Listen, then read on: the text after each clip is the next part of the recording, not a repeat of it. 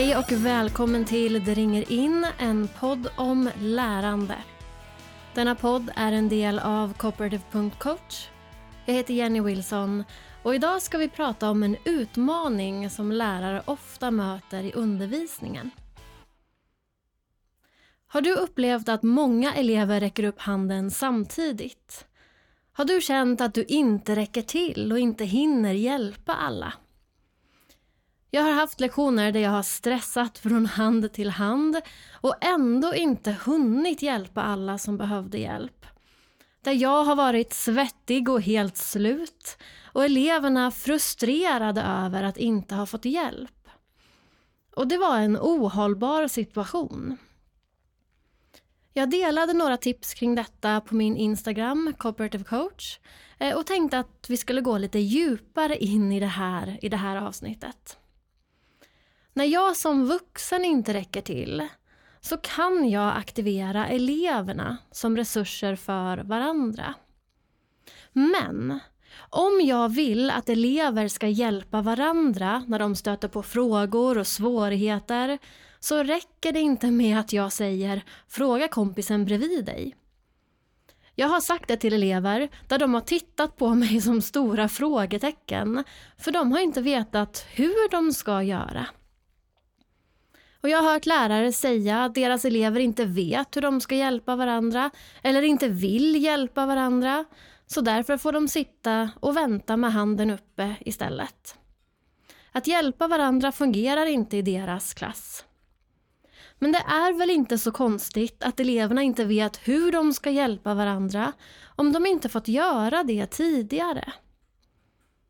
Om jag vill att elever ska bli ett stöd för varandra så kan jag inte ha enskild undervisning nästan hela tiden, säga tyst, stör inte varandra, fuska inte och sen helt plötsligt säga hjälp varandra och tro att eleverna vet hur de ska göra. Tänk dig det ur elevens perspektiv. Helt plötsligt ska jag vända mig till personen bredvid, bredvid mig som jag hittills har gömt mitt papper för, inte har fått prata med, inte känner så väl, inte känner mig trygg med. Och så, och så ska jag vända mig till den och säga, jag förstår inte det här, kan du hjälpa mig? Det är ett alldeles för stort steg. På samma sätt kan det bli när vi lärare ibland går från helt individuell undervisning till ett grupparbete där vi förväntar oss att eleverna bara ska lösa det och veta hur man arbetar i grupp. Och så blir vi upprörda när det, in, när det blir konflikter i grupperna och när det inte fungerar. Som om samarbetsförmåga är något som finns utan att vi tränar på det. Och om det inte finns så är det elevernas fel. Men oftast så handlar det om att vi lärare behöver skapa goda förutsättningar för elever att lyckas. Vi måste skapa goda förutsättningar för eleverna att vilja, våga och kunna hjälpa varandra. För det är inte enkelt.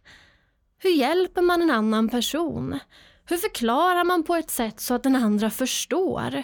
Hur kan jag våga be om hjälp?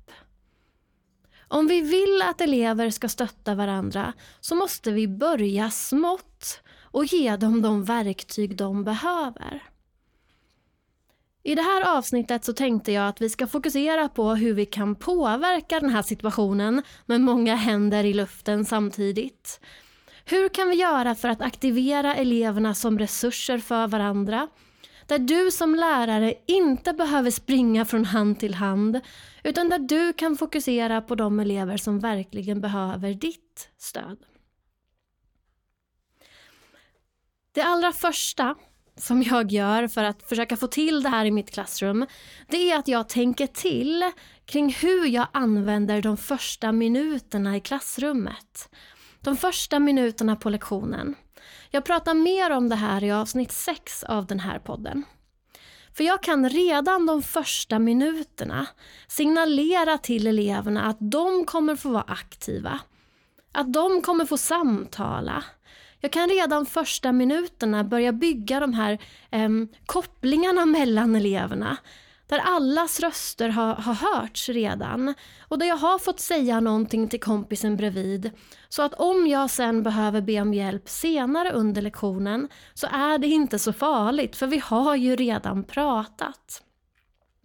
Jag använder ofta korta enkla strukturer som pingpongprat eller EPA för att bryta isen lite grann och skapa bättre förutsättningar för att eleverna ska våga prata med varandra senare.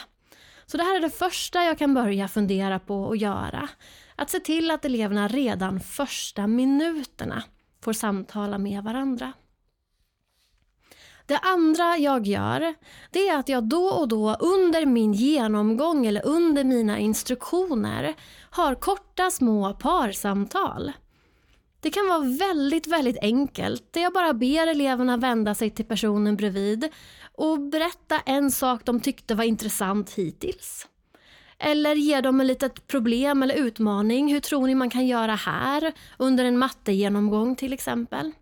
Väldigt kort, men där de får chans att se varandra och prata om någonting kopplat till innehållet. Det tredje som jag gör för att aktivera eleverna som resurser för varandra det är att jag ber dem eh, repetera instruktionerna för varandra i par. Så när jag har gett en instruktion så kan jag be dem vända sig mot personen bredvid och berätta för varandra vad de ska göra nu. Först när båda vet, när båda är redo, då får de sätta igång. Det gör att färre händer är i luften och frågar vad ska jag göra? Och jag kan fokusera på de eleverna som faktiskt behöver mitt stöd att komma igång. Så de tre första tipsen. Aktivera eleverna redan första minuterna på lektionen. Ha korta små parsamtal under genomgångar och låt eleverna i par repetera instruktionerna innan de sätter igång med uppgiften. Det fjärde som jag ofta gör, det är att jag efter genomgången eller instruktionen eh, låter eleverna jobba tillsammans i par en kort stund. Där de kanske turas om med något material kring innehållet. Det kan vara att de turas om med mattetal, där en bygger med konkret material och den andra skriver. Eller en räknar och förklarar hur den gör och den andra lyssnar och uppmuntrar. Och så turas de om efter varje tal. Det kan vara att de turas om att trä symaskinen tills båda kan, turas om med ackord på gitarren, turas om att läsa och skriva ner viktiga ord. Men någon uppgift där de växeldrar, stöttar och hjälper varandra tills båda känner att de förstår hur de ska göra. Och när båda känner att de kan gå vidare, eh, då går de till den enskilda uppgiften. Den här lilla korta paruppgiften gör att fler kommer klara sig utan att behöva räcka upp handen kring små saker. För det har de redan stöttat varandra kring. Och då kan du som lärare fokusera på de utmaningar där elever verkligen behöver just ditt stöd. När elever också har fått jobba tillsammans med innehållet i par då blir det enklare för dem att om de stöter på utmaningar när de jobbar enskilt, då blir det enklare för dem att vända sig till kompisen, för vi har ju redan jobbat kring det här tillsammans. Det femte jag gör för att aktivera eleverna som resurser för varandra, det är att jag ibland pausar arbetet när eleverna har kommit igång och jobbat en stund.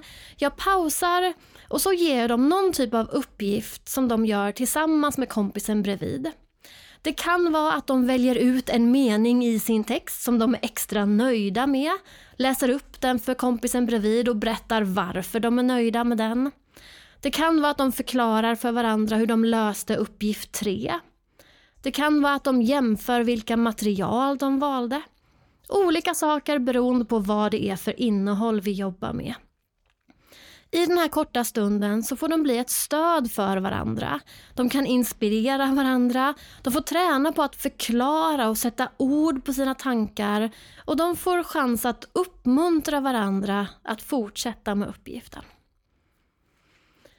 Det sjätte som jag gör, och det här gör jag när eleverna är mer vana vid att stötta varandra på olika sätt. Det här är inte det första jag gör. Eh, men det jag kan göra ibland är att jag använder olika hjälpstrategier. Och det här är saker som jag kan skriva upp som eleverna liksom får, får känna till. Okej, okay, det är så här vi ska göra. Eh, och Det kan vara till exempel när du stöter på ett problem när du sitter och jobbar själv. Det första du gör, läs uppgiften en gång till eller försök en gång till. För ibland kan vi lista ut det själva om vi bara försöker igen. Det är det första. Det andra, fråga din axelkompis eller kompisen som sitter närmast om de kan hjälpa dig. Om du och axelkompisen inte lyckas lista ut det, då kan du fråga gruppen om ni sitter i fyrgrupp.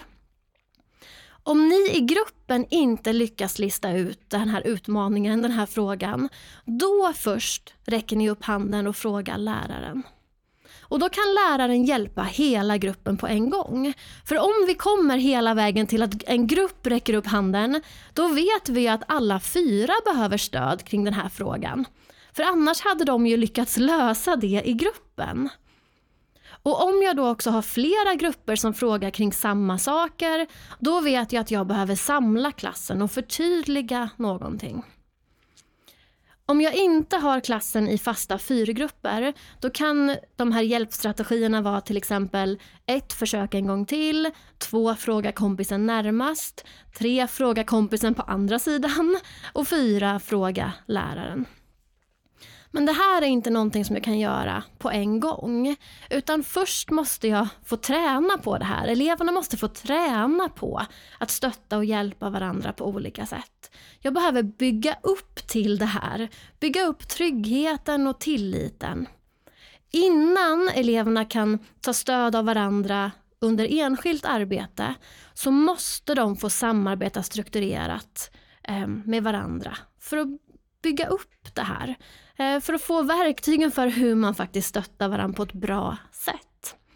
Jag som lärare behöver skapa goda förutsättningar för eleverna att få lyckas med att bli eh, resurser för varandra och stötta varandra på bra sätt.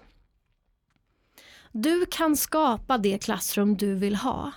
Där du räcker till mer och där eleverna får stöd snabbare. Där du inte springer från hand till hand utan där du kan fokusera på de, på de elever som verkligen behöver just dig. Men det här är inget som sker över en natt utan det kräver medvetet arbete. Men det går. Var är du och dina elever idag?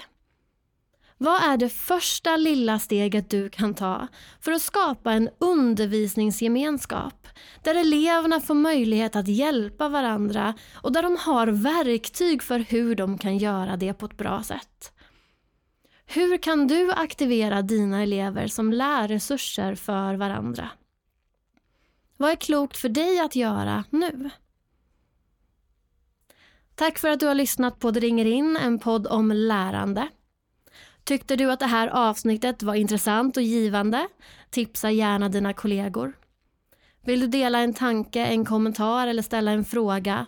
Kontakta mig på Instagram, det ringer in, eller det andra Instagramkontot Cooperative Coach, eller gå in på www.cooperative.coach. Tack till Josef Melin för musiken. Vi ses i nästa avsnitt. Kom ihåg, du gör skillnad.